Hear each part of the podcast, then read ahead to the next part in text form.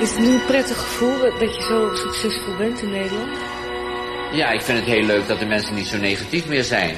Er was natuurlijk uh, in de tijd van Spetters, tussen 80 en 85, was er natuurlijk een hele negatieve stroming in de kritiek ook. En je weet, uh, Spetters was een gigantisch schandaal natuurlijk.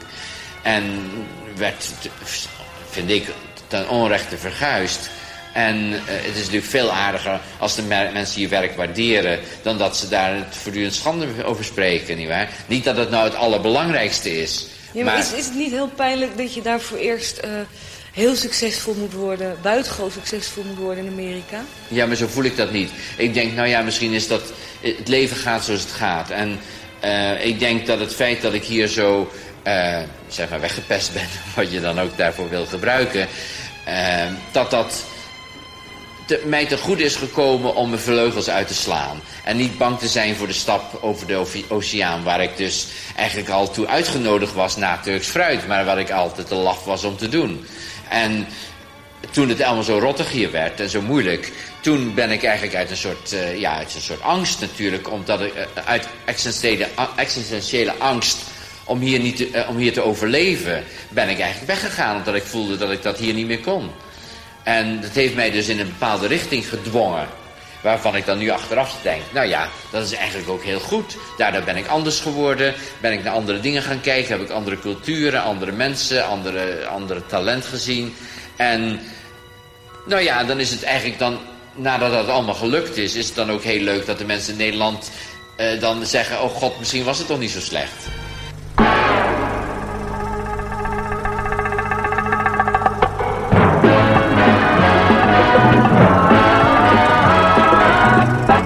Comes to entertainment, you can't beat a good film.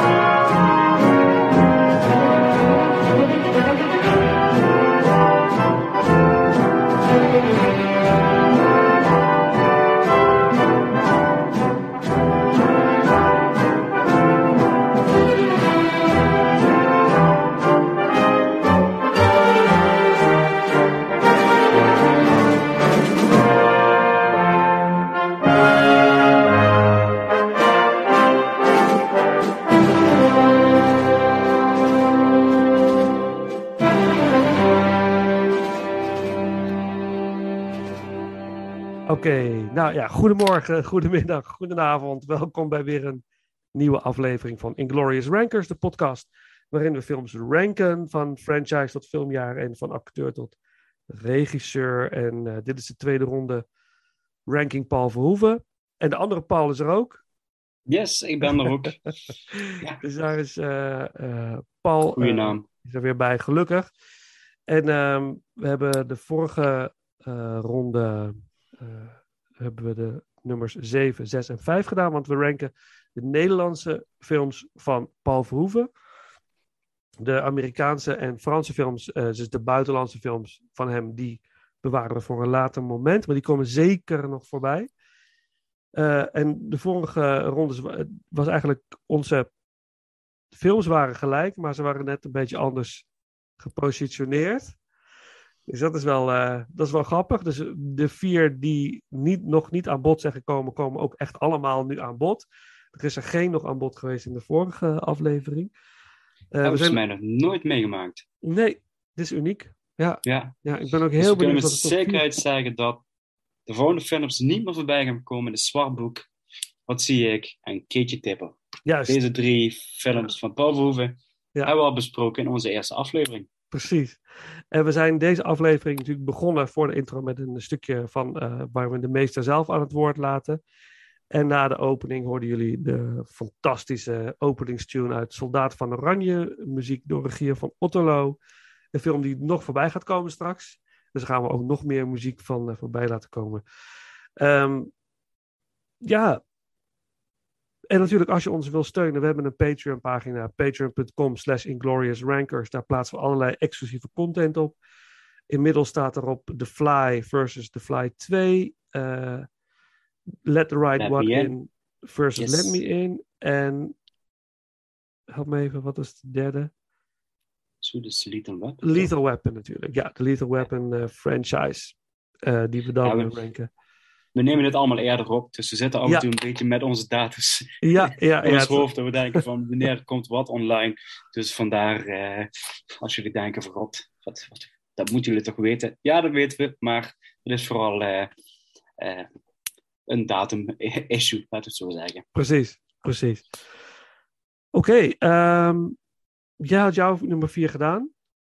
Nee, nummer Nummer 5. vijf, We eh, gaan met nummer 4 Dan beginnen. ga ik de nummer, eh, de nummer 4 onthullen. Nou, het zal toch wat zijn, Paul, als die eh, gelijk, als de- deze allemaal gelijk zullen zijn. Het zou wel echt verrassend zijn. Ehm, mijn nummer 4 is een van zijn meest controversiële films. De meest, een van de films die het meeste stof heeft doen opwaaien. Waar het is tegen geprotesteerd als een malle bij de bioscopen. Maar ze stonden rijen dik om die film te gaan zien. Eh, hij moest in tv-programma's komen om zichzelf te verantwoorden. Heeft, hij, heeft een mannetje gestaan. Hij is met lippenstift besmeurd tijdens eh, een tv-programma. Hij is van alles beschuldigd, maar hij hield zijn rug recht. De film is bijna niet gemaakt, ook. Daar kunnen we zo nog wel een leuke anekdote over vertellen. En eh, ik vind de film, ja, ik vind deze alle vier geweldige films die nu gaan komen. Maar echt alle vier.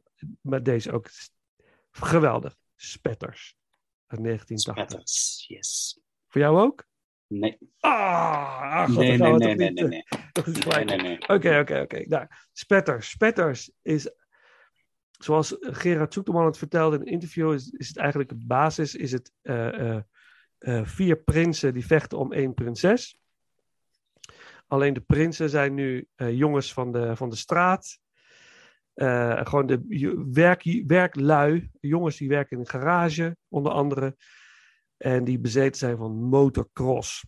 En eh, eh, allemaal de droom hebben om kampioen te worden in de motocross. En als grote voorbeeld hebben, ik kom even niet op de naam van het karakter, maar dat wordt gespeeld door Rutger Hauer. De kampioen. En de prinses is een meisje die werkt in een frietkraam. En eigenlijk alles doet om een god uit die wereld te komen waarin ze zit. En ze vindt het verschrikkelijk. Ze moet eigenlijk uit die frietlucht en wil een normaal leven leiden. Ze wil dat er van haar gehouden wordt. En eh, ja, en denk dat, dat, dat het zit in, in geld en bezit, maar ook gaandeweg de film erachter komt dat dat misschien wel niet zo is. Ehm, en daar gaat het, in basis gaat de film daarover. Eh, Maar er zitten zoveel meer lagen in. Zoals een jongen die zijn homoseksualiteit ontdekt, maar eigenlijk uit een christelijke familie komt. Waar het natuurlijk absoluut een no-go is. Eh, de jongen, de, de veelbelovende, de beste motocrosser van het vriendenstel. Rien. Die eh, eigenlijk op het punt staat om de kampioen te gaan overtreffen en een zwaar motorongeluk krijgt. In een rolstoel belandt zitten heel veel dingen in. De Pinkstergemeente komt terug. Dus voor hoeveel ja, gaat zijn eigen demonen ook nog te lijf in de film. De film zit inderdaad vol met seks, vol met geweld, vol met scheldpartijen, vol met rauw, rauwheid. Maar ook met heel veel liefde, heel veel zachtheid, liefde. Hoe, hoe bijvoorbeeld de vader van, van Rien, de jongen die het ongeluk krijgt, omgaat met het feit dat zijn zoon dat heeft. Ik vind het zo mooi. Uh, hoe lief, het blijft de liefhebbende vader. Er zit, ik, er zitten zo verschrikkelijk veel mooie dingen in die film. Er is zoveel meer gelaagd dan, dan, dan men dacht in de film. Hoe die film is afgeschoten destijds. Dat verdient die film niet.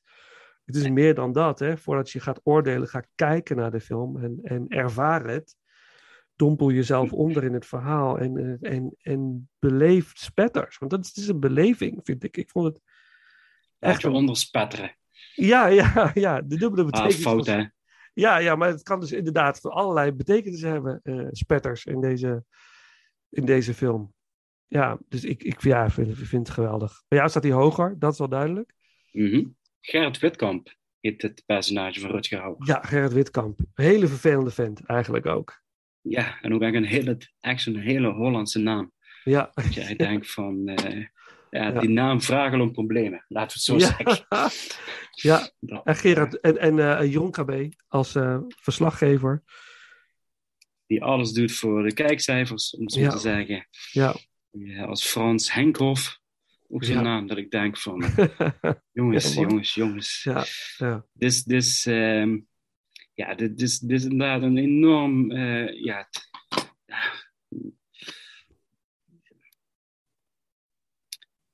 ja, hoe zullen we het zeggen? Dit, dit, is- dit is geen choc- ja, dit is aan de ene kant wel een chockerende film, maar aan de andere kant is het ook wel een, een, een, ja, een bepaalde ode. En misschien daar wel een ode aan de liefde, op welke vorm dan Ja. ook. Ja. Mhm. alleen eigenlijk op zijn verhoeven neergezet ja, om zo Ja. te zeggen. Dit, dit, dit is een film die, die, ja, die ik niet verwacht dat die ooit gemaakt zou kunnen worden. nee. In deze dat- tijd, eh, in Europa zelf niet, terwijl Europa al een redelijk open-minded continent is qua filmindustrie. Ja. Moet kijken naar de, naar de Spaanse en ook de, de, de, de Italiaanse filmcinema. Ja, ja. Eh, dit, dit is wel eh, behoorlijk. eh, Nou, er is één regisseur die ik, die ik zou kunnen eh, benoemen die, die, dit, die dit ook wel maakt. Moet ik zeggen. Die dit soort films die je wel... de eh, Spaanse regisseur Pedro Alva- Almodovar. Nee, Alma- nee, nee. Het is een Franse regisseur. Ik kom niet op de naam. Wat heb ik vanavond? Maar ik heb hem zo gevonden. hè, Want ik heb onlangs een film van hem gezien nog. En die film die eh, ging me ook niet in de koude kleren zitten. Dat is de film Climax. Ah, eh, Noël. Eh, ja, Caspar Cas- Noé. Cas- Caspar Noé. Ja, Noé. Ja. Eh, de film Irreversible bijvoorbeeld. Dat is... Die heb ik ook gezien. Oeh, dat is ook geen lichte kost. Eh, die kan er misschien, komt hier wel in de buurt, denk ik, in- in sommige... Maar er zijn ook films die niet iedereen kan zien. Daar, daar kan niet iedereen naar kijken. En dat is Spetters misschien nog net iets toegankelijker zelfs. En, en natuurlijk, de, de, de, het meest heftige is misschien wel de brute verkrachtingsscène. Vrij in het laatste kwart van de film. Eh, die is wel behoorlijk... Een eh, homoseksuele man. ja. Ja. die verkrachtingsscène is best wel eh, en heel expliciet. Ja. Je ziet het gewoon. Ja, dus, dus, dus eh, ja, ja ex- expliciet, je zegt Ja. goed. Dus Ja. eh, geen ander woord voor te verzinnen. Dus, Ja. eh, Ja. En dat, Ja. dat vind ik wel, ja, dat hij dit er doorheen gekregen heeft. Dat, dat is iets wat ik, ja, maar weet je, ken je dat verhaal? Hoe dat is gegaan? eh, waarschijnlijk niet. Nee. Eh, Dat, want ze, ze hadden dus het basisscript van Spetters. Zoals, zoals het interview, er is een documentaire over Spetters op YouTube. Dat moet je maar kijken, dat is fantastisch. Dat is dus, ze hadden het script zoals de film is. Precies dat. Hadden ze ingediend bij het Filmfonds. en die gasten van het Filmfonds, die dan zogenaamd allerlei prijzen hadden gewonnen. En allemaal zogenaamd hele goede films hadden gemaakt die nog geen miljoen eh, gulden hadden opgebracht, zeg maar. Eh, of nog geen, eh, zeg ik, nog geen 50.000 gulden hadden opgebracht destijds. Weet je, maar die hadden dan wel zeg maar, zeggenschap over Verhoeven, die Soldaat van Oranje had gemaakt. En Turks fruit en zo. En die kregen dat script. En die, eh, die werd gewoon afgekeurd. Was gewoon te expliciet, te seksistisch, te plat. Te plat, weet je, alsof er geen laag in die film zat. Helemaal eh, ehm, eh, verziekt. Dus het helemaal, die film mocht niet gemaakt worden. En Joop van den Ende was de producent, want Rob Hauer deed het niet. Want die had een, een fitty met Paul Verhoeven. En, en toen heeft op een gegeven moment Paul Verhoeven werd zo afgekraakt. Tijdens die sessies moest er op zo'n gesprek komen. En dat is dan de man die ervoor heeft gezorgd dat de Nederlandse filmgeschiedenis was veranderd. Werd gewoon gekleineerd door de Ja. mensen van het Filmfonds. En toen is Joop van den Ende super kwaad geworden. Die heeft op, met zijn vuist op tafel geslagen. Echt bijna de tafel doormidden geslagen. En hij zei, god, voor, god, voor hoe durven jullie? Weet je, echt geschreeuwd heeft hij. Nou, toen waren ze helemaal- stil. En toen kregen ze dus de kans. Oké, je mag de film maken, maar je moet wat aanpassingen doen. De film moet milder worden gemaakt. Dus wat hebben ze gedaan? Ze hebben dus het script, dat hebben ze dus soort van herschreven. En daar hebben ze er meer een romantische comedy-achtig iets van gemaakt. Toen heeft het filmfonds het goedgekeurd. En toen zijn ze gewoon het oorspronkelijke script gaan verfilmen. Ja, precies. Ja, prachtig. Prachtig. Maar ja, Ja. ook dit zeg weer, dat, dat is verbaaswekkend dat nog steeds Paul Verhoeven geen geld hier in Nederland kan krijgen om nog steeds... eh, ja, en dan, dan moeten we het doen met al die romantische meuk nou eh, om de oren krijgen geslagen, waar, waar Ja. het, waar Ja. het glazuur helemaal van je tanden afspringt. Dat ik Ja, denk toch. van... Ja, maar ik dat, heb- dat, dat vind ik gewoon vind ik nog het ergste. de Nederlandse filmindustrie, van als je kijkt van, ja goed, het, het, het, het hangt aan elkaar voor romantische films. Ja. Allah, prima. Mhm. Maar het, het is ook niet dat je denkt van, goh, ja, hier zit nog echt iets leuks tussen. Er is af en toe wel eens een filmpje waarvan ik denk van, eh, nou oké, oké, ja, prima. Ja. Ja. Maar dit eigenlijk, het merendeel dat ik eigenlijk oprecht denk van, hoe kan dit? Wat, wat, wat snap ik niet? Ja, Eh, ik, ik, ik kan er gewoon niet, niet met mijn gezonde verstand bij van ehm, dat dit publiek trekt. En ook als je de, de, de, de, de scores gaat kijken op, op ja, gerenommeerde filmsites, al die films die, die ja, zijn dikke onvoldoendes. Ja. En dan denk ik van, waarom wordt zo'n product dan wel gemaakt? En gaan daar miljoenen mensen naartoe? En mannen als Paul Verhoeven of Dick Maas, waar we het in de vorige uitzending ook al over hadden, ja, die, die krijgen geen polen aan de grond, om het zo te zeggen. Nee. worden, worden alles in de weg gelegd. Terwijl ik denk van, eh, Onvoorstelbaar. ja, ja, bizar gewoon. En, maar goed, eh, gelukkig hebben we de films van Verhoeven nog. Ja, er, er zijn wel wat goede Nederlandse films. Ik denk aan een eh, Simon bijvoorbeeld, een aantal jaar geleden. Ja. Dat was best een eh, goede film. Cloaca. Terstal, maar die, die is volgens mij ook gewoon de nek omgedraaid. Eddie Ja. Ja. Ehm, Ja. eh, inderdaad, Cloaca, ik moet zelf altijd denken aan, aan het karakter van Mike Karakter, Snoek. Vind ja. ik zelf een, een, een, een van de mooiste films. Ja. Eh, ik moet zeggen, hij heeft daarna ook twee hele bijzondere films gemaakt met Surprise en Tulipani. Ja. Wat ik alle twee ook heel, echt leuke films vond. Ja. Ehm, ja, de, de Beentjes van Hildegard is een van de weinige films van de laatste jaren waarvan ik zeg, nou, dat vond ik eigenlijk een oprechte eh, leuke film met dank aan Herman Vinkers. Ja, zeker. Eh, Ja. Maar dat is inderdaad lastig, dat ik denk van, eh, ja, potverdomme jongens. Zou we toch eens een keer naar moeten kijken van wat er nou los van die romantische films dan wordt gemaakt, wat wij niet zien dan of zo. Misschien Ja. missen we iets. Ja, dat- daarom zei ik, ik hou de filmhuizen een beetje in de gaten. Maar het is ook nooit echt dat ik denk van, eh, nee. Soms kijk ik nog liever een, een, een televisie- of een tv-film Ja. op de NPO. Die, soms komen er echt hele leuke verrassingen voorbij. Waarvan ik denk van, nou ja, dit is wel een film waarvan ik denk van, oh ja, ja hier zit wel echt potentie in voor ons in de bioscoop. eh, Ja, en, en de kinderfilms. De kinderfilms zijn, Absoluut. zijn best leuk. eh. Ja. Eh, ik moet zelfs bekennen dat ik was laatst naar de, de grotere slijmfilm geweest. met eh, niet alleen hoor, maar met, met de Ah, kinderen. gelukkig. ja, nee. Maar dat ik dan zeg, ja, dit is best Lisa. wel... Dit is best wel, ja, wel heel romantisch. Maar dit is, dat is best wel een eh, oké film. Ja, dat lukt dus wel. Ja, vind ik heel... Dat Piraten van het- hiernaast of zo. Dat is eh, ook zo'n... Of eh, Piraten bij de buren of iets. Die, dus ook allemaal de Dick Trom. Ja. Hartstikke leuke eh, eh, films. Ja, ik ben een enorme fan van Pieter Kuipers. Ja, Dat, eh, Ja. En vooral zijn laatste film, eh, wat hij gemaakt heeft, eh ik kom natuurlijk wel niet op de naam. Met Jeroen van Koningsbrugge als, als oplichter. Riphagen. Riphagen. Ja, geweldig. Ja, oh, dat Van- ja, goede film. Ja, Dat, dat is, eh, ja, die, die, die heb ik in de bioscoop gezien. Dat ik dacht, de bankier van het verzet. En dan, kun, dan denk ik, we kunnen het wel, Ja. potverdorie. Ja. Eh, geef die mensen de kans om, om Ja. zoiets te maken. Ja. Ehm, ja, dat denk ik van, oh man, dat, eh, ik vind het zo jammer. Zo jammer. Ik denk van, eh, eh, Zonde. ja, ja, goed, we kunnen er niks aan doen. Maar gelukkig, Maar we we gaan kunnen... naar mijn nummer vier. Ja, jou- jouw nummer vier. Mij was Spetters. Wat is die van jou?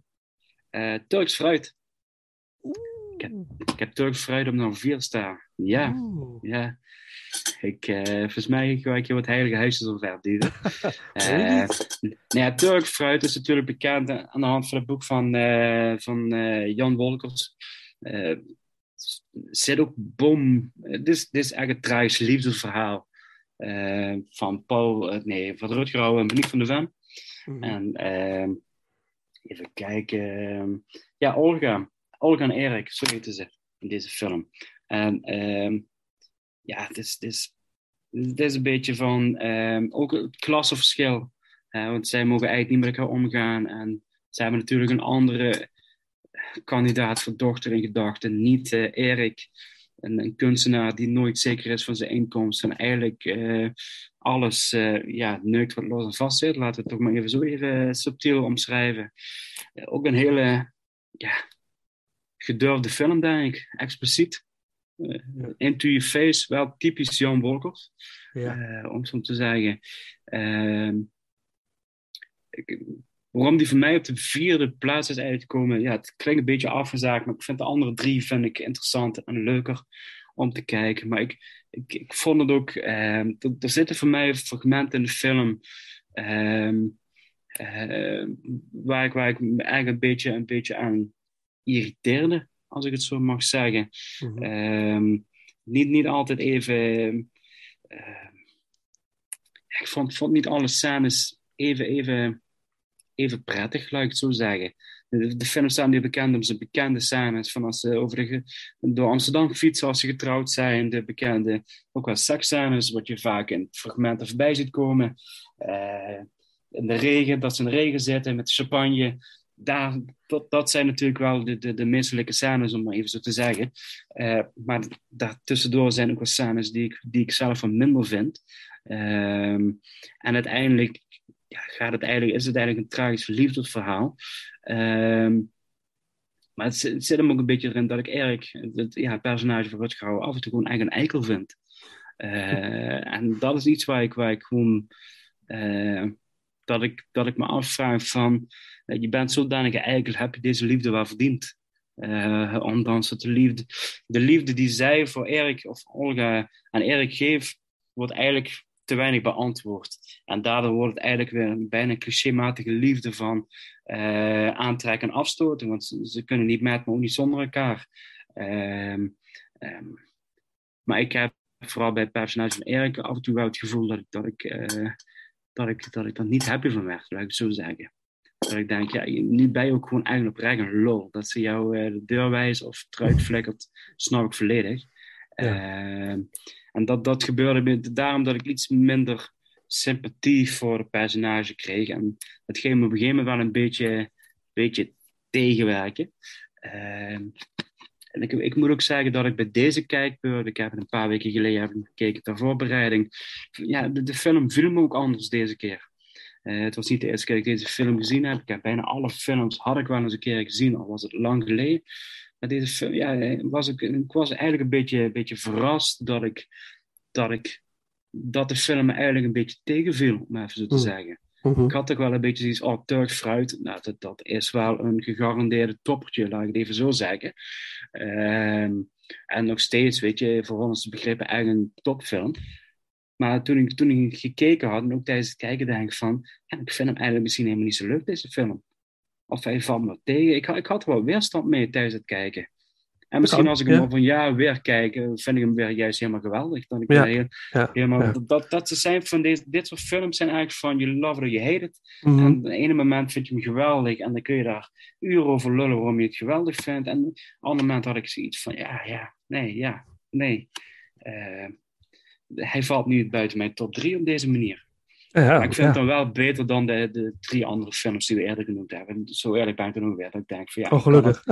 Ik, nee, ja, weet je, ik kan het niet maken om deze film dan bijvoorbeeld op een zesde plek te zetten. En Nee. dan zeggen van, ja, weet je, ik vind wat zie ik beter dan Turks fruit. Ja, weet je, dan moet ik mezelf ook in de spiegel gaan aankijken. En ik denk van, ja, nou, Ja, het, is, het, is een, het is een mening. Ik bedoel, dat, ja, Nee, tuurlijk, dat is een mening. Maar op sommige, sommige aspecten zie je gewoon en moet je ook gewoon reëel en eerlijk denken. Van, weet je, Ehm, eh, ja, dan, dan wordt, daarvoor hebben we wel alle twee te veel, te veel films gezien en kennis om te kunnen zeggen: van, ja, weet je, dit, eh, de- deze onderscheid moeten we wel echt maken eh, om ergens doorheen te prikken. Zeg. ja, ja oké. Ja, snap ik. Snap ik. Wauw, Turks. Ja, ik, ik zal nog even inhouden over Turks fruit. Ja, zeker. Vooral het, doen. het, is, het is ook niet bij nummer drie, dus eh, dan eh, komen we daar later op terug. Ehm, ja, ik, ik denk dat we deze aflevering afsluiten straks met, met het, eh, het bekende thema met het fluitje. ja, van eh uit Turks Fruit, Rogier van Otterlo. Maar laten we dan nu een stukje muziek doen. eh, dat mistige rode beest heet, het, eh, heet de track muziek van Rogier van Otterlo en natuurlijk prachtig harmonica werk van eh Weiden Toets Tielemans. Ja. Ehm, dus die track en dan mijn nummer drie. En dan ga ik denk misschien ook wel controversieel zijn, wie weet. Ja, tuurlijk. Kom, Ja, we gaan alles, het gewoon doen.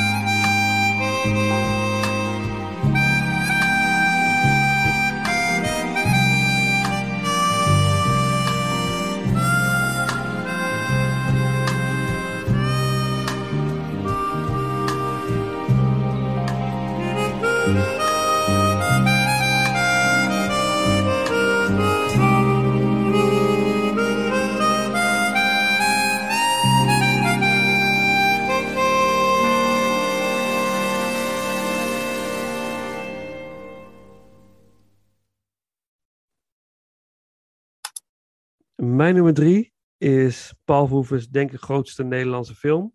Wat nu ook een waanzinnige musical is. Heb je hem gezien? De Nee. musical? Oh, eigenlijk... Ben ik, ben ik steeds het gaan. Daarom moet hij zo lang verlengd zijn wachten ja, tot ik ja, geweest ja, ben. wacht tot jij bent geweest. Maar, maar hij...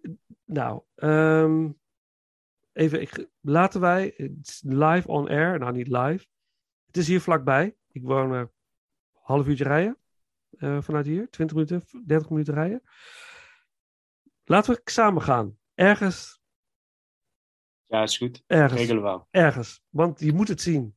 Je moet we- het zien. Het, het- We maken hier een verslag van mensen. ja, komt goed. Ja, Dus bij deze eh, toegezegd, dus Ja. we gaan dat regelen. ja, ik denk dat hij nog voorlopig nog wel blijft draaien ook. Ehm langslopende Nederlandse musical.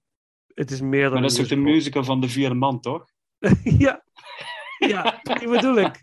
Ja, die bedoel ik. Nee, ik, Nee, zeker. ja, ik heb het over Soldaat van Oranje. Ehm, eh, eh, het is meer dan een musical. Eh, als ik het over de musical heb. Het is, het is echt een belevenis. Het is een belevenis. Dat is ongekend. Maar goed, we hebben het nu over de film. Soldaat van Oranje, ook een belevenis. Tijdsdocument. zich. Ja, ja, het is ook al ehm Verhoeven was een tijd ver vooruit wat, wat op een gegeven moment in Forrest Gump gebeurt. Door eh, Tom Hanks te plaatsen naast eh, allerlei bekende mensen, waaronder eh, de, de president, een van de presidenten. Ehm, doet hij dat hier al. Door het gehouden te, te monteren in, in, in historische beelden. Dat doet hij voortreffelijk. Dat is al zo verschrikkelijk gaaf. En dan de intro-muziek van Regier van Otterlo. En de Nederlandse vlag in beeld. Ik- Prachtig. En ja, het is het verhaal van eh, Erik Hazelhoff. Ja. ja. Is het familie?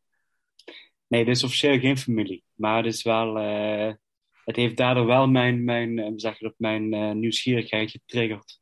Ja. En mijn achternaam is op diverse wijze te schrijven. Ja. En we hebben er ook chronieken over. En ook een eh, familiewapen en een stamboom en dat soort dingen allemaal. Ja. Eh, dus ik, ik, ja, goed, als je, als je, er zit wel, als je, er zit een link. Ja, dan, praat je eigenlijk over generaties terug die eh, vroeger, eigenlijk heel vroeger, er eigenlijk een aftakking geweest en dergelijke. Wat bijzonder. Dus, eh, ja, dat is toch wel mooi. ja, absoluut. Dus, gewoon- ja. aan de aanleiding van deze kijkbeurt heb ik ook eh, het boek bij mijn ouders gehaald van Soldaat van Oranje. Ah, Ik denk, ja, ik wil het toch eens gaan lezen. ja. Dus dat, eh, Ja, want dat is natuurlijk eh, Erik Hazelhoff. Ja. En eh, in de film heet hij Erik Lanshoff. Dus ze hebben de naam veranderd. Maar het is, oorspronkelijk is het Hazelhoff, een grote verzetsheld. In de Tweede Wereldoorlog. In deze film vertelt eigenlijk het verhaal van zijn reis als verzetsheld. Eh, eigenlijk van, van een student. Die ehm, eh, in het begin van de film eigenlijk eh, nog een, groentje is, een rookie is. En ehm, vervolgens wel zijn positie weet te bepalen binnen de studentenvereniging. Die wordt geleid door eh, opperstudent Jeroen Krabbe. Maar het worden echt maten van elkaar, vrienden. En, maar dan breekt de pleuris uit, dan breekt de Tweede Wereldoorlog uit. Dan wordt, wordt Nederland bezet. En eh, zijn de rapen gaar. En wat in het begin nog een beetje door de heren wordt eh gezegd. Oh, leuk, een beetje oorlog. Eh, volgens mij zeggen ze dat letterlijk op die manier ook. Zoiets van. het wordt echt gebagatelliseerd. ja, ja, ja. Maar dan blijkt dan. de studenten, on, hoe zeg je dat, de, de onschuld van studenten en de, de, het niet Ja. serieus nemen. Precies. Ja, en, en dan. ehm, wat, wat dan vervolgens leidt. Tot, wel, tot het inzicht van. Ja, dit is toch wel eh, heftiger dan we dachten. En dan sluiten ze zich aan bij het verzet. Ook de, de twee mannen zelf, eh, Jeroen Krabbe en eh, Hauer. Maar je ziet ook de, die, die groep studenten, die vriendengroep die wordt gecreëerd aan het begin van de film, valt ook uit elkaar. Want er zijn ook dus gasten, dus en vooral één gespeeld door Dirk de Lind, die de andere kant kiest. Gewoon ook puur voor de veiligheid, ook voor zijn eigen ouders om ze te beschermen. Hij heeft ook een motivatie om dit te doen. En dat zet je als kijker ook aan het denken weer van ja, wat zou ik nou doen in deze situatie? En ze hebben alle, alle, even kijken, het zijn volgens mij zeven vrienden. Ja, Zes of zeven. En ze hebben allemaal een eigen motivatie. Want één, Ja. één is ook Jood. Ja. Sarah is Jood. Dat was, Ja. is ook de enige die vanaf het begin zei van, die er minder gerust op is, zeg maar. Terwijl de rest een beetje daar, eh, ja, een beetje koers, brallerig over doet en eh, grote, grote spraak heeft. Ja. Is hij de enige die zegt van, eh, ja, als het hier komt, dan heb ik een probleem. Ja. Uh, Dirk de Lind inderdaad. eh, zijn ouders worden op een gegeven moment zelfs opgepakt. Ja. En Ja. daar valt hij met toeval ook maar even in. Ja. En, om, om inderdaad zijn familie veilig te stellen. Ja. Ja, heel En- bijzonder moet ik zeggen. En Eddie Habbema als iemand die in eerste instantie zich aan, bij het verzet aansluit. Door codes te, te decoden. Hè, Ja. en vervolgens wordt ontdekt. En eigenlijk dan, ja, ja eh, meewerker van dus eh, gaat je vrouw eraan. En je hele Ja. leven gaat dan gort, zeg maar.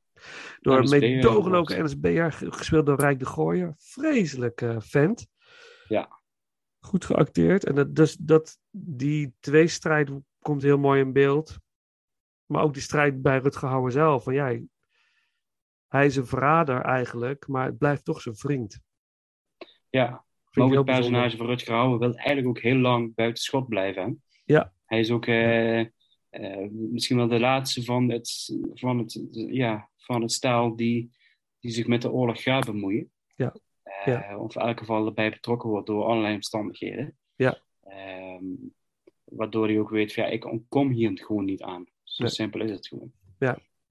Ja, dat, ja, ja precies dat.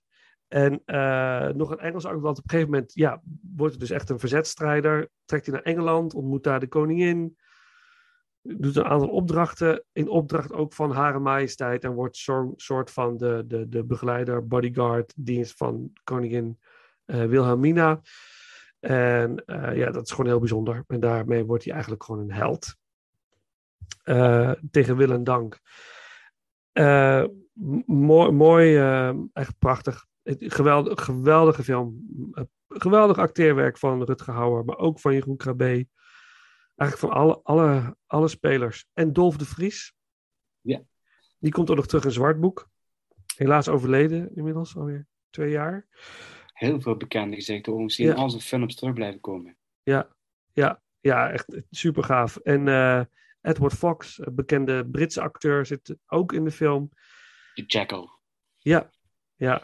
Ja, nou, ik, ik, het, is, het is een waanzinnig, het is een episch verhaal. Eh, voor Nederlandse begrippen natuurlijk groots. Ja, Echt de film voelt inderdaad groot. Dat, dat is het gewoon. eh. Ja.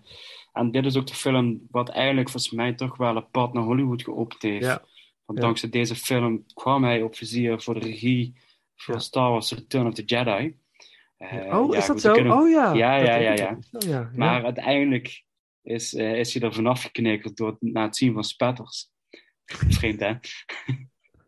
Oh. Dat, eh, dat zagen ze toch niet gebeuren met eh, Star Wars personages die alle een, een vertaling spetters kregen, we het zo zeggen. Ja, ja. Nou ja, goed. maar dat was wel een van de films waardoor hij op vizier is gekomen bij George Lucas om, om eventueel een potentiële kandidaat te zijn voor de zesde Star Wars film. Het zou wat zijn geweest. Kunnen we nou helemaal... Nee, natuurlijk niet. Nee, dat, weet je, met, met, met alle respect, eh, het klinkt heel mooi. Hetzelfde Ja. dat hij ook de regie van Gladiator heeft aangeboden gekregen toen de tijd. Ja. Eh, dit, dit, dit, dit is gewoon puur materiaal wat niet in zijn straatje ligt. Mhm. Dus eh, dat, dat, eh, nee, Ja. Dat- dat- ik had het niet zien gebeuren. Nee, mijn, mijn hart had misschien wel een sprongetje gemaakt. Zo eerlijk moet ik ook zijn. Maar Ja. nee, dat, dat, dat, eh, Paul Verhoeven laat zich niet in zo'n keurlijf duwen. nee, nee. Eh, Maar als het zo was dat geweest, hadden we het niet beter geweten. Dan hadden we gewoon niet beter geweten. dat was ook, het zo dat ook geweest. Ja, ja, ja. Maar ja, oké, ja, ja. Maar we komen er zo wel op terug op Soldaat van Oranje. Want jij hebt natuurlijk ook wel je hele anekdotes. En ik heb nog wel wat aanvullingen, denk ik, straks. Maar ja, mijn nummer drie. Jouw Het had nummer zomaar nummer één kunnen zijn, maar het is echt nummer drie. Soldaat van Oranje. En die van jou. Mijn nummer drie is Spetters. Dat was jouw Ah. nummer vier. Mijn Ja. nummer drie. Eh, we hebben eigenlijk al best veel gezegd over deze film. Het is, het is, dit is een film die, eh, die ik ook nu weer bij deze kijkbeurt vooral eh, ja, vooral eh, bewondering heb, om zo te zeggen, voor het, het, product wat hij heeft gemaakt en ook waar hij voor staat, zeg maar. Mhm. En dat ook met hand en tand verdedigd heeft. Hij, hij, hij boort zoveel thema's aan in een film van ja, een kleine twee uur. Als je kijkt wat het duurt. Ik heb hier toevallig de DVD voor mijn neus liggen. Ja, een kleine twee uur duurt die. Maar er worden zoveel thema's aangeboord. Ehm, eh, wel op een ja, gehele eigen wijze verteld en gepresenteerd door Verhoeven natuurlijk. Eh, maar inderdaad, het geloof, eh, homoseksualiteit, geluk, liefde, ambities, eh, ja, klasse, ook weer klassenverschil komt ook weer eh, naar voren. Eh, ehm, mensen die niet hunzelf kunnen zijn, of mensen die juist dromen najagen en daar heel veel voor over hebben. En dat vond ik wel echt een heel, vind ik eigenlijk nog mooier dan eigenlijk de hele chockerende ja, manier van een beeld brengen wat Verhoeven dan voor kiest. Mhm. Eh, Mhm. Terwijl ik denk van als je dat allemaal uitgumt en je pakt al die expli- expressiviteit weg, Ja. dan blijft het verhaal nog steeds in de kern heel sterk overeind staan als een, een, een best wel een maatschappelijk beladen eh, product, zeg maar. Waar echt wel eh, hedendaagse dingen nog steeds aan bod komen, zeg maar. Ja, Ook zelfmoord, het vindt plaats in de film. Eh, ja, mensen willen eigenlijk, want hebben dromen, willen gewoon ontsnappen. Ehm, en, en doen daar van alles voor, zeg maar. En Ja. eh, het dat, vind ik gewoon heel... zeg ja maar. nee, ga door. Nee, ga door. Nee. Ja. Nou, dat vind ik gewoon in deze film gewoon eigenlijk heel mooi neergezet. Eh, dit, dit vind ik eigenlijk een... eh, deze film is meer dan alleen maar de, de, de, de, ja, de, de rebellie wat ontstaan is en de, de afkeer en alle protesten die er geweest zijn. Eh, dat doe je denk ik deze film tekort mee om hem zomaar eh, ja, af te schieten, om het zo te zeggen. Ja, ja, absoluut. Je 100% mee eens. En, en de- als aanvulling op wat je net zei, eh, dat, je, ehm, dat deze film ook heel erg gaat over het accepteren van het leven. Ja. Dat je soms, de, en vooral voor jonge mensen, dat komt die film heel erg naar voren, die kunnen nog niet accepteren met wat ze hebben. Ze willen meer. Je wil meer, je wil groeien, je wil. Je kijkt op naar mensen dit kan het leven toch niet zijn? Er is toch veel meer? Terwijl de ouderen, nou voornamelijk wat ik die vader van Rene, die jongen die het ongeluk krijgt, die heeft het geregeld voor zichzelf. Die is tevreden met zijn leven en, en snap je? Maar zijn heel veel mensen zijn Ja. ontevreden met wat er is. En ze willen wat anders de hele tijd. En, En, daar wordt ook een bepaalde eh, generatiekloof wordt er ook in neergezet. Hè? Dat heb ik Ja. gezegd. De vader die is helemaal happy. Wil het ook voor zijn zoon allemaal goed doen, hè, ook na het ongeluk. Ja. Ja. Ehm, maar de zoon heeft gewoon steeds die drang om meer verder te gaan en kan niet accepteren van dat hij in een rolstoel terecht is gekomen, verlamd en zit, et cetera. Ja. Ehm, en, alle, en het gaat eigenlijk bij de drie jongens, de hoofdrolspelers, die, die zijn er eigenlijk de symbool voor, zeg maar. Ja. Voor, het, voor de- hun zoektocht. Mhm. Terwijl het personage van René Soutendijk, zij is eigenlijk de, de, de, de, ja, de katalysator van de verhalen, zeg maar. Ja. Want Ja. zij pakt in principe met alle drie de jongens aan, om maar even eh, kort door de bocht te zetten. En voor alle drie is zij ehm, de, de prikkel om, om eh, door te groeien naar hun eigen leven, wat ze eigenlijk willen zijn, zeg maar. Mhm. Mhm. Ehm, de, de, de, de jongen met de crossmotor ambitie, ehm, die wil een ster worden. Zij denkt dat hij de toekomst is met het grote geld. Blijkt niet te zijn na het ongeluk. Dus laat hem ook heel snel vallen. Ja. Dan heb je het, eh, personage van Maarten Spanjaard. Die wil gewoon, is eigenlijk de goede sul in het hele verhaal. En die is oprecht, heeft goede voornemens met haar. Ja. En dan heb je de derde jongen, waar ik echt de naam van kwijt ben. Die blijkt eigenlijk homoseksueel te zijn. Ja. Eh, en de broer van René van Zoutwijk is ook een homoseksueel. Dus die twee vinden elkaar dankzij haar. Dus zij is daar een, een, een spil in het hele web. waardoor bepaalde ontwikkelingen qua personages plaatsvinden. En Mhm. dat vind ik gewoon heel mooi, eh, heel mooi in beeld gebracht, zeg maar. ja, Eh, ja. Alleen ja, goed, Verhoeven zou Verhoeven niet zijn om het weer op een bepaalde manier eh, in beeld te brengen en vooral uh, straight in your face te doen, zeg maar. Ja, maar dan komt het ook wel echt, echt, echt binnen. Tenminste, dan. Ja. dan eh, ja, ja, ja, prachtig. Ik vind dat het heel erg gaat over acceptatie. Dat, dat het zoals het is, maar ook ehm, dat je sommige dingen kun je niet veranderen. Sommige dingen zijn gewoon zoals ze zijn. Bijvoorbeeld hè, de homoseksualiteit van, van de jongen. Dat is, die vader zal het, als hij enigszins nog enigszins gelukkig wil leven, zal hij het moeten accepteren, want het is zo. Hè, de rolstoel waar eh, die Rien in komt, het, het is niet meer te veranderen. Nee. Je, je- en dat, zijn zulke eh, zware levenstesten, zeg maar, die, we, die iedereen wel krijgt in zijn of haar leven. En dat is dan heel herkenbaar. Daarom denk altijd van, geef die film een kans. Los inderdaad, los wat je heel mooi zegt, het, het verhaal blijft recht overeind. Ondanks, ook als je de, de expliciete dingen weghaalt.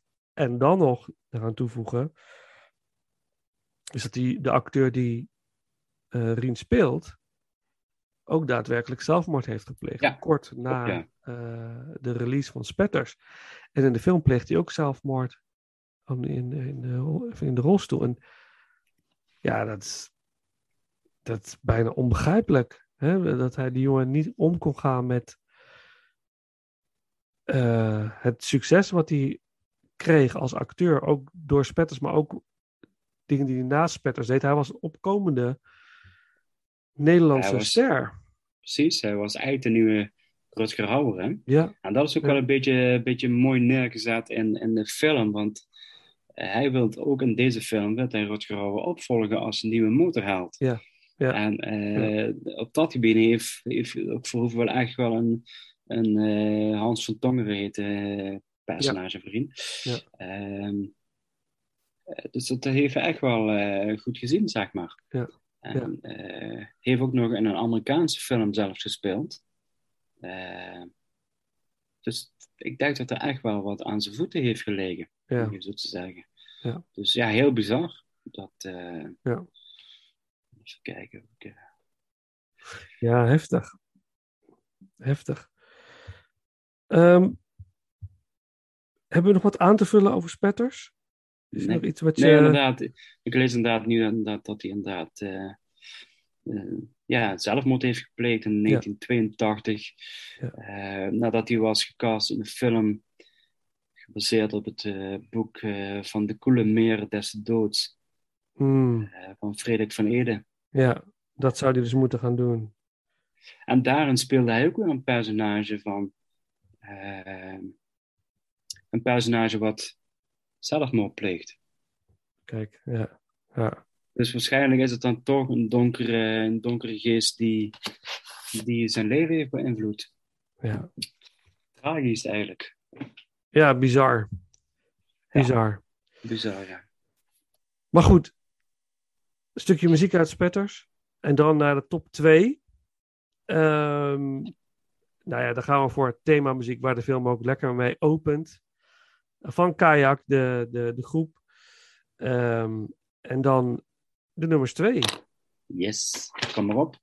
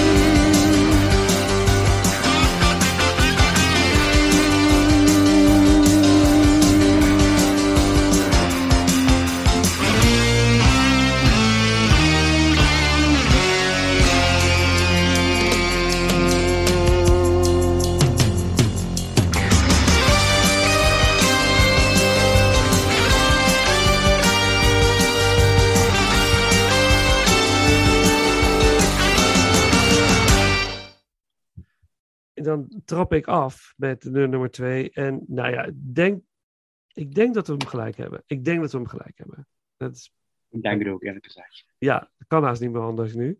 Mijn nummer twee is ja, een fantastische film, De Vierde Man. Yes, hij staat bij mij ook op twee. Ja, ja, Ja. ja, ja, mooi. De Vierde Man. Met wederom eh, René Soutendijk in de hoofdrol. En naast haar Jeroen Krabbe. Gebaseerd op het boek van Gerard Reven. Eh, ook nogal een extreem omstreden figuur, Gerard Reven. Absoluut, Eh, ja. eh, ik, ehm, ik heb het boek niet gelezen van de vierde man, maar die moet ik, wil ik wel heel graag gaan lezen. Ik, wil, ik, ik heb weinig werk van Gerard Reven gelezen, alleen maar De Avonden, wat trouwens een mooi boek is. Ehm, maar deze film, zeg, wat, wat, wat een belevenis was dit. Ja, ziek, hè? Oh, het is, een, ja, het is een zieke film, een smerige film. Het is een smerige vent. Deze, eh, deze man, eh, wat is zijn naam? Gespeeld door Jeroen Krabbe, Vincent. Gerard Reven? Hij speelt Gerard Reven. Hij speelt Gerard Reven. En er zit een Vincent in. Dat is... Toch? Zit ik nou helemaal verkeerd? Daar zit... Of zit ik nou helemaal verkeerd te, te denken? Hij speelt Gerard Reven, ja. Jeroen Krabbe zelf. Maar in ieder geval, het, is een schrijver... Eh, oh nee, Herman. Hoe kom ik nou bij Vincent? Waar heb ik dat dan vandaan? Zo heet ik zelf. Nee, Ja, dat, dat maar oké, ja, nee, maakt eh, niet uit. Maar ehm, het is, eh, hij speelt dus Gerrit Reven, een schrijver. En hij, hij gaat naar een... hij moet een, een, een voordracht geven van zijn werk. in Zeeland. Daar reist hij naartoe. En ehm, daar ontmoet hij een van de organisatoren. Gespeeld door René Soutendijk. En ehm, ja, daar is een soort van erotische klik mee. Hij deelt daar eh, het bed mee. Maar alvorens, voordat hij daar terechtkomt in Zeeland, heeft hij al allerlei rare visioenen. Hij ziet van alles dingen die te maken hebben met de dood. En, die, en die visioenen blijven doorgaan, ook terwijl hij zeg maar, het bed heeft gedeeld met eh René Soutendijk. En eigenlijk een paar dagen bij haar blijft. Want zij wordt emotioneel als hij weg wil. Ja, hij wil weer gewoon terug naar huis. Dan wordt ze emotioneel, want zij is haar man verloren. Eh, en hij denkt, nou goed, dan blijf ik wel bij je. En hij komt er eigenlijk achter dat er nog twee andere mannen op mysterieuze wijze om het leven zijn gekomen. Die ehm, met haar zijn geweest. En ja, er zijn er drie. En hij zou zomaar eens de vierde man kunnen zijn. Dus dat maakt het, eh, maakt het heel spannend. En mysterieus. Is hij wel de vierde man? Eh, eh, ja, dus dat is super fascinerend. En daarmee heeft hij ook nog een, een, krijgt hij een fascinatie voor het personage Herman. Gespeeld door een hele jonge Tom Hofman. Helemaal strak afgetrainde, getinte, bruin getinte Tom Hofman. Die eh, eh, ehm, ook een relatie heeft met René Zouterdijk, maar ook later ten tonele verschijnt. En hij heeft een vreselijke obsessie voor hem. Hij wil hem gewoon. En hij blijft eigenlijk bij haar om dichter bij Herman te komen. Dus dat is het. Dus hij, Ja. is, hij wordt gedreven door een seksuele drift. Maar loopt ondertussen misschien wel gevaar om de vierde man te worden en te overlijden. Nou, dat is een beetje globaal het verhaal. Het is te bizar voor woorden bij tijd en wijle. Maar Verhoeven heeft het. Oh, wat heeft hij het fantastisch goed gedaan. En het camerawerk is zo briljant. Gebruik van kleur, de special effects zijn cool. Het is gewoon geweldig. Ik vind het een geweldige film. Nou, jij. Ja, wat moet ik hier nog aan toevoegen eigenlijk? ja, dat, dat- ja, je zegt eigenlijk, eh, je hebt al heel veel dingen gezegd, maar inderdaad, eh, Jeroen Krabbe speelt een, alcohol, ja, een alcoholistische schrijver. En die, eh, dat alcohol, dat is het begin waarvan je denkt, ja, zijn die visioenen nou door de alcohol of speelt er iets meer? En daarom begint er een, beetje een, een, soort eh, visioenen met, met geloof en met, met, met satanisme en dat soort zaken. Dat komt ineens allemaal om de hoek kijken. Eh, dan, dan verschijnt ook een, een, een, een, een, aparte vrouw. En gedurende het kruis verduurt zijn pad. Dus de film is doorladen met religieuze aspecten en verwijzingen. En ook, eh, ook wel wat, wat ja, contradicties, om zo te zeggen. En daar zitten ook wel scènes in waar ik denk van... Nou, dat, uh, dat is een voorloper van uh, Benedetta geweest, laten we het zo maar even oh, netjes zeggen. Ja. Um, daar moest ik ook de hele tijd heel erg aan denken bij het kijken van Benedetta. Van, dat ik denk van, dit, dit, dit is eigenlijk zijn Europese of zijn internationale antwoord op uh, de, vierde, de vierde man, sorry. Mm -hmm. um, dus, dus um, ja, weet je, Jeroen Kerbé is, is, is, is ja, briljant als, als ja, alcoholist en uh, ja, ook homoseksueel. Dat is waar, maar hij, hij, hij wilde ook wel voor twee walletjes eten. Vandaar ook uh, de intieme scènes met René Soutendijk, ja. die echt een ja, briljante femme fatale speelt, laten we zo zeggen. Terwijl ik hele, haar in principe helemaal niet als femme fatale uh, zie, om het zo te zeggen. Mm dan, dan, uh, dus ik vind die transformatie van haar ook wel heel bijzonder. Om te zien dat zij het eigenlijk kan, zeg maar. Mm -hmm. En ja, ik, ik vind wat ik vooral bijzonder vind, is de spanningsboog. De, de, de, je voelt je naar, je voelt je ongemakkelijk. En je, zit, je wordt echt meegesleurd in deze broeiige, ja, fascinerende wereld. Je, je, loopt bijna mee. Uh, er gebeuren scènes, waaronder, uh, ja, er wordt liefde bedreven met, met, met Jezus aan het kruis. een graftombe, daar worden ja, seksuele handelingen uitgevoerd het, het kan gewoon niet erger. uh, en op een gegeven moment vindt er een bepaalde ontknoping plaats. En gaandeweg het verhaal kom je erachter van wat het verhaal is van de vierde man. En de vraag wordt van wie zal de vierde man zijn. Uh, en ja, goed, zij staat op een gegeven moment wel echt symbolisch voor een bepaald duivels karakter. Laten we het even zo omschrijven. Um, maar hoe het dan vooral ook visueel in beeld wordt gebracht, dat ik, dat ik echt dag op krijg van, dit is gewoon eigenlijk een, eigenlijk een ordinaire horrorfilm van Nederlandse bodem. Ja. En dan denk ik van, we hebben al niet veel horrorfilms in ons oeuvre zitten.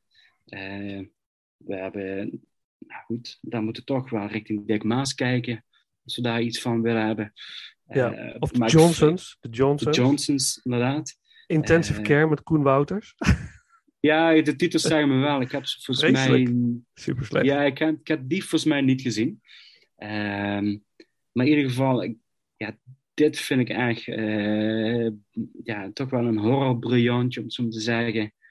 Waar menige hedendaagse horrorfilm iets van kan leren. Uh -huh, uh -huh. Uh, en vooral dan ook de, de niks van eigenlijk uh, seks, geweld en religie. Want dat is eigenlijk die driehoek die hier in deze film wordt ehm, ja, hoe zeg je dat? Echt wordt... Uh, uitgewerkt? Ja, uitgewerkt, maar ook, maar, ook, maar ook versterkt. Het wordt echt... Ja. Uh, uh, het, het, het, kan niet op, om zo te zeggen. Nee. Je weet, dit is de driehoek. Seks, geweld en religie. Maar het wordt eigenlijk zo dik aangezet en zo theatraal en zo ja, ja. smerig dat het bijna mooi wordt, om het even zo te zeggen. Ja, ja, ja, het, heeft, het, heeft, het heeft een bepaalde smerigheid uh, waardoor, zijn, ja, waardoor het mooi wordt, zeg maar. Ja. Uh, en dat is iets van. Uh, dan, dan kun je heel veel Amerikaanse horrorproducties. Dat, dat, daar kun je 10.000 liter bloed in flikkeren, maar die worden nooit zo spannend als de vierde man, zeg maar. Mooi. en ja. dat, dat vind ik wel erg. en dan, ja, weet je.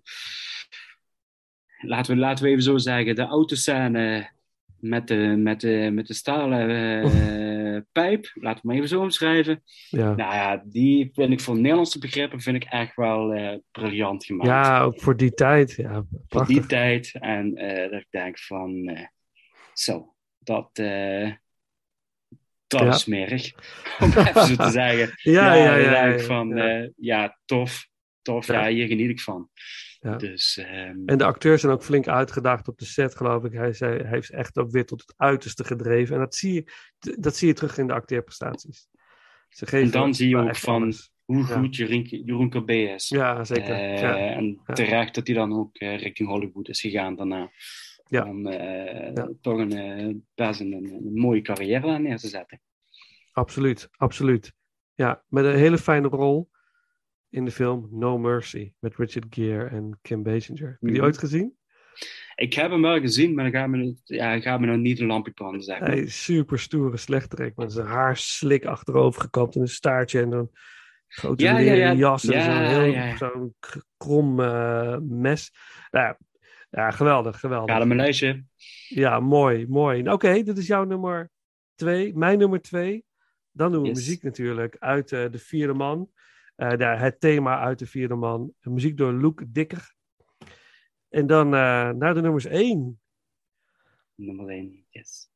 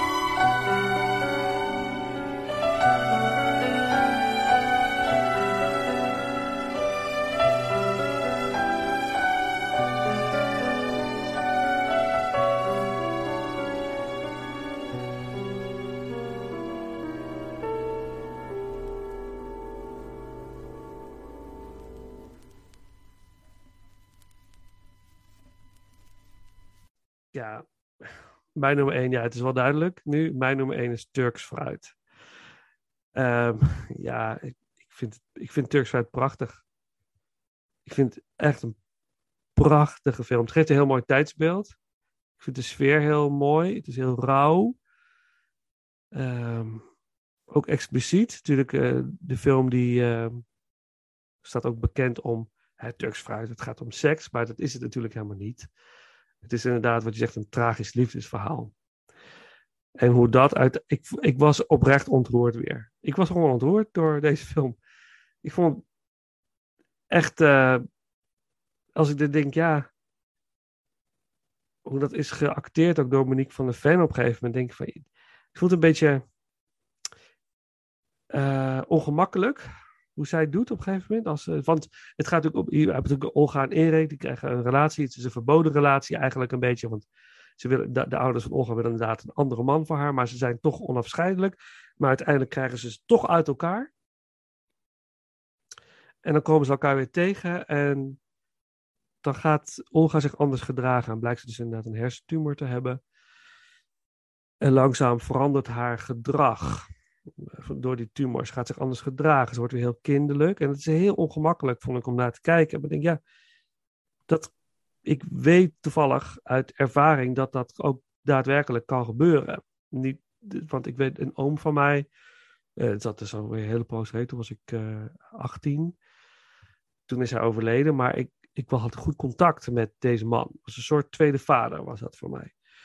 Ik had mijn eigen vader en ik had oom Jopie, zeg maar. En oom was, die heeft mij ook heel veel geleerd, gitaar spelen. Dus hele belangrijke man. Ik mis hem nog steeds. Eigenlijk denk ik dagelijks wel even aan, aan hem. En hij kreeg dus ook uh, uh, een kanker in, in, zijn, in, zijn, lichaam, in zijn hals, in, ook in zijn hoofd.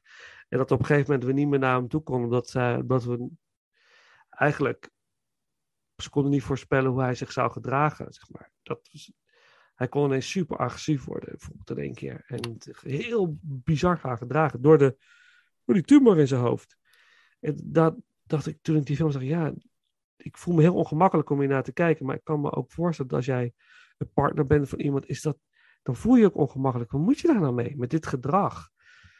Ik vond het knap. En het raakte mij heel erg toen ik, bij, toen ik het weer zag. Jeetje. En hoe dan um, Rutger Hauer als Erik die, die uh, uh, wat is het, meeuw loslaat. Op het strand. Uit, ik vind het zo mooi. En, de, en dan de muziek erbij. En ik, ik vind het prachtig. Ik vind, vind het een prachtig film. Ik, echt super mooi. ja, dat is gewoon. Ik, ik, het film ontroert me en ik blijf, blijf kijken. Als steeds als ik hem weer zie. Ik heb hem best wel vaak gekeken. Iedere keer pakt hij me weer. Ik, ja. En die hartstochtelijke liefde die je kan voelen voor iemand die. En ook het feit dat, dat het niet. Je wil bij elkaar, maar op een of andere manier de bui buitenwereld gaat ervoor zorgen dat het dan weer niet kan. Maar misschien. Ja, en uiteindelijk kom je toch weer bij elkaar op het cruciale moment. En is hij bij haar tot het einde. Ja, het is prachtig. Vind ik prachtig. Vind ik echt mooi. Een beetje Romeo en Julia, behalve dat, dat ze, ze sterven niet beide. Maar hij sterft wel een beetje van binnen. Want hij verliest wel de liefde van zijn leven. En, en hij is arrogant, hij is een eikel. Hij gedraagt zich bizar. Uh, maar hij heeft een enorme liefde voor haar. En hij wil alles doen om bij haar te zijn. Hij wil gewoon bij haar zijn. En dat vind ik mooi. En hij, hij, maakt verkeerde keuzes. Hij doet gekke dingen. En dan denk ik van, ja, doe dat nou niet. Inderdaad, wat je zegt. Waarom doe je dat nou? Je verpest het nu alleen maar voor jezelf. Maar het is die drive die hij heeft. Hij moet bij haar. Hij, hij kan niet los van haar. En dan denk ik, dan het moment dat zij zo ziek wordt. En dat het super moeilijk is om bij haar te zijn. Is hij er. Ja, dat vind ik prachtig. Prachtig. Ja, dus. Uh, Niks aan toe te voegen. Ja, uh, onvermijdelijk. Dit is mijn nummer één. Het kon niet anders. Uh, dit was het. Dit is hem. ik vind het de beste Prachtig. Nederlandse film van Paul Verhoeven. Of die in de totale ranking straks als we die ook gaan doen nog, uh, als misschien de buitenlands ranking hebben gehad, dat we die nog even de totale eraan toevoegen, snel een rondje. Weet ik niet, misschien doen we dat. Dan staat hij ook hoog, denk ik. Ja, ja een prachtige film. Dus, dat is mijn nummer één. We hebben muziek al gehad. Dus dan uh, rest ons niks anders dan jouw nummer één te doen. Ja, mijn nummer één is Soldaat van Oranje.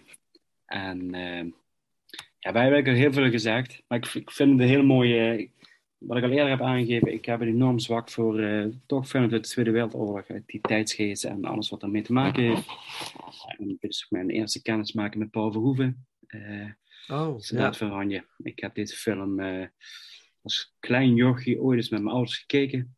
En eigenlijk een beetje wat ik al eerder zei, van het is eigenlijk een tijdsdocument.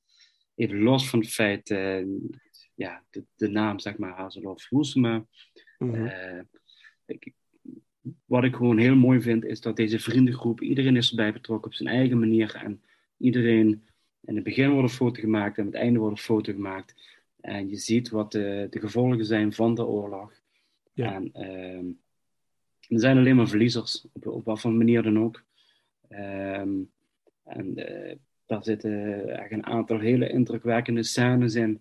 Um, een aantal martelscènes. Uh, als de jongens worden opgepakt dat is iets wat, uh, wat me toen als, als jochie, om het zo te zeggen, bijgebleven is. Mm -hmm. um, en een van de mooiste scènes vind ik op het moment dat de Joodse vriend, die wordt op een gegeven moment opgepakt, gemarteld en die wordt in de duinen gebracht voor ja. Ja, neergeschoten te worden. Uh, hij krijgt een blinddoek aangeboden, weigert die en hij kijkt naar de vogels, haalt adem en wordt uh, neergeschoten. Ja. Zo'n mooie scène, zo, ja.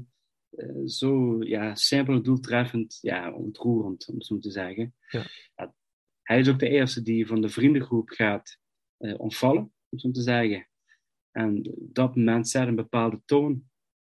Dat, ik, dat je weer eens kijken van, dit is het begin van, uh, van het uiteenvallen van deze vriendengroep, zeg maar. Ja.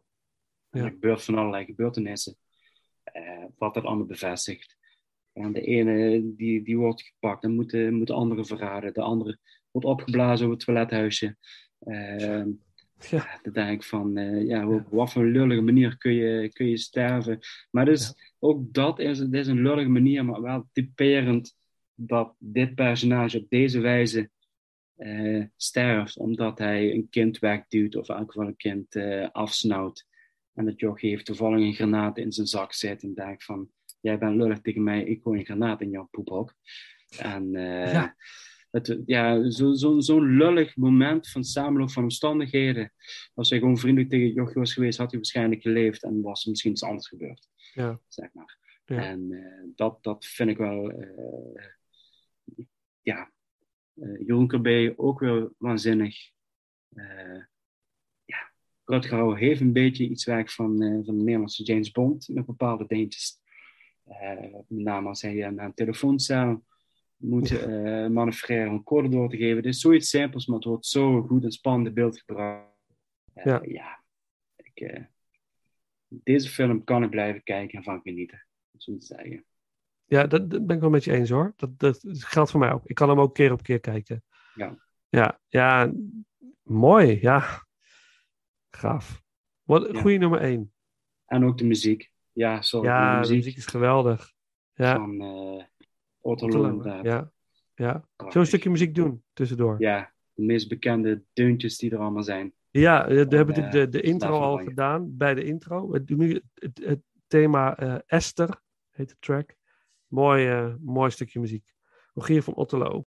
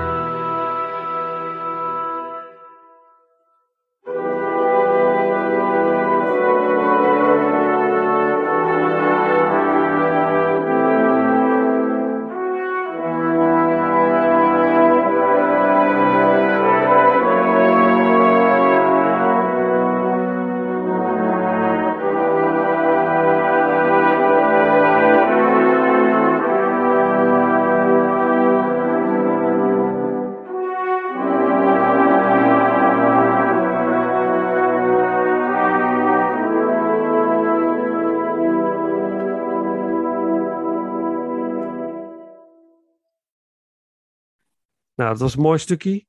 Ehm, en dat, dat brengt ons aan het einde. We zijn, we zijn rond, we hebben het weer eh, voor elkaar gebokst.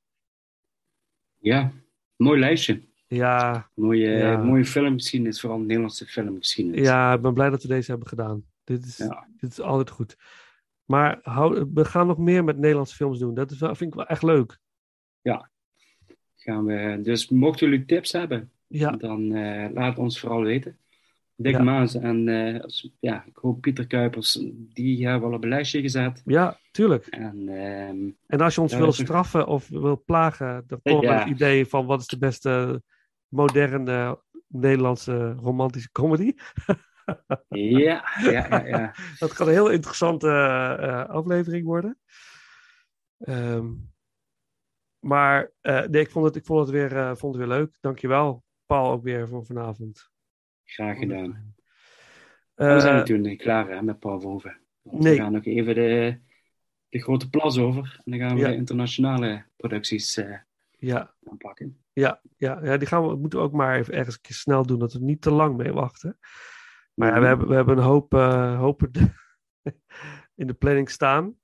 Dus We mensen, er komt- ons niet, Ja. dames en heren. nee, er komen een hoop leuke dingen aan. En eh, ook op de Patreon-pagina komen eh, exclusieve dingen die we dus niet regulier uitbrengen, maar wel echt de moeite waard zijn. Eh, dus hou dat in de gaten. Ehm, ja, steun ons via eh, patreon.com slash ingloriousrankers. Eh, Je, je kan zelf helemaal bepalen wat, hoeveel je steunt. Of je het eenmalig doet, of volgens mij of permanent. Het mag je helemaal. Kun je zelf bepalen. Dus eh, wij zijn met alles blij. Eh, ook als je niet steunt, ook goed. En je luistert gewoon naar de reguliere afleveringen, ook prima. Eh, Welkom, zeker. het is allemaal fijn. Ehm, ehm, we gaan deze En er gaat afsluiten. nog, eh, Ja. er gaat nog leuke context komen voor de Patreon-pagina. Dus we hebben een aantal rankings die we gaan opnemen. Ja. Maar er zit ook ander materiaal in vooruitzicht. Ja. Dus meer het geschreven woord. Dus Ja. daar gaan we ook eh, richting de Patreon-pagina mee beginnen. Ja, En eh, we hebben nu al een aantal Patreon-leden. Dankjewel daarvoor. ja, ja, super, super fijn. Eh, ja, daar zijn we heel blij mee. En ehm, we, hadden, we hebben het ooit gehad, Paul, dat we misschien een keer live gaan voor een Q&A of zo. Zo'n, eh, Ja, eh, dat, dus eh, misschien dat we dat binnenkort ook maar eens moeten gaan, eh, iets voor moeten gaan organiseren of zo. Dat we dat via Instagram of zo. Dat we live gaan op doen. Instagram. Maar, nou, dat, genoeg in de pijplijn. ja, dat, dat horen jullie nog. Ehm, eh, onze volgende ranking. eh, ja, kijk, ik kijk er heel erg naar uit. Ik, ik denk Paul ook. Maar het Absoluut. ah, oh, dit. Ik kan nu al zeggen, dit is misschien wel voor mij de moeilijkste ranking tot nu toe. Puur en alleen omdat de, het keu, de keuze is reuze, zeg maar, eh, voor deze ranking. En ik, ik, zie, ik ben bepaalde films aan het kijken uit, uit het betreffende filmjaar. En dan denk ik, die moet ook weer niet op 10. Maar wat moet ik er dan nu weer uit gaan gooien? En wat, hoe dan? Weet je dat? Eh, Dus, Ja, misschien maken we er gewoon een top 20 van. Hè? Kijk, Ja, eh, ja. Nee, een zakkerij, dames en heren. Marathon-uitzending. Nee, we gaan het jaar 1988 eh, ranken. En, En niet alleen trans. Nee, dat doen we met Willem Vlag. En ik heb natuurlijk al met Willem samen eh, twee eh, keer eh, gerankt. En nu met Paul erbij. Dus het wordt ontzettend gezellig. Willem is echt een leuke, leuke gast. Ehm, die ook zo zijn idee heeft. Dus ik ben ook heel benieuwd wat hij voor keuzes heeft. Dus het kan best nog wel uiteen gaan lopen. Maar die komt, eh, volgt, ja, eigenlijk als jullie luisteren, volgende week. Voor ons duurt het nog even met de opname, maar voor jullie is het, is het volgende week.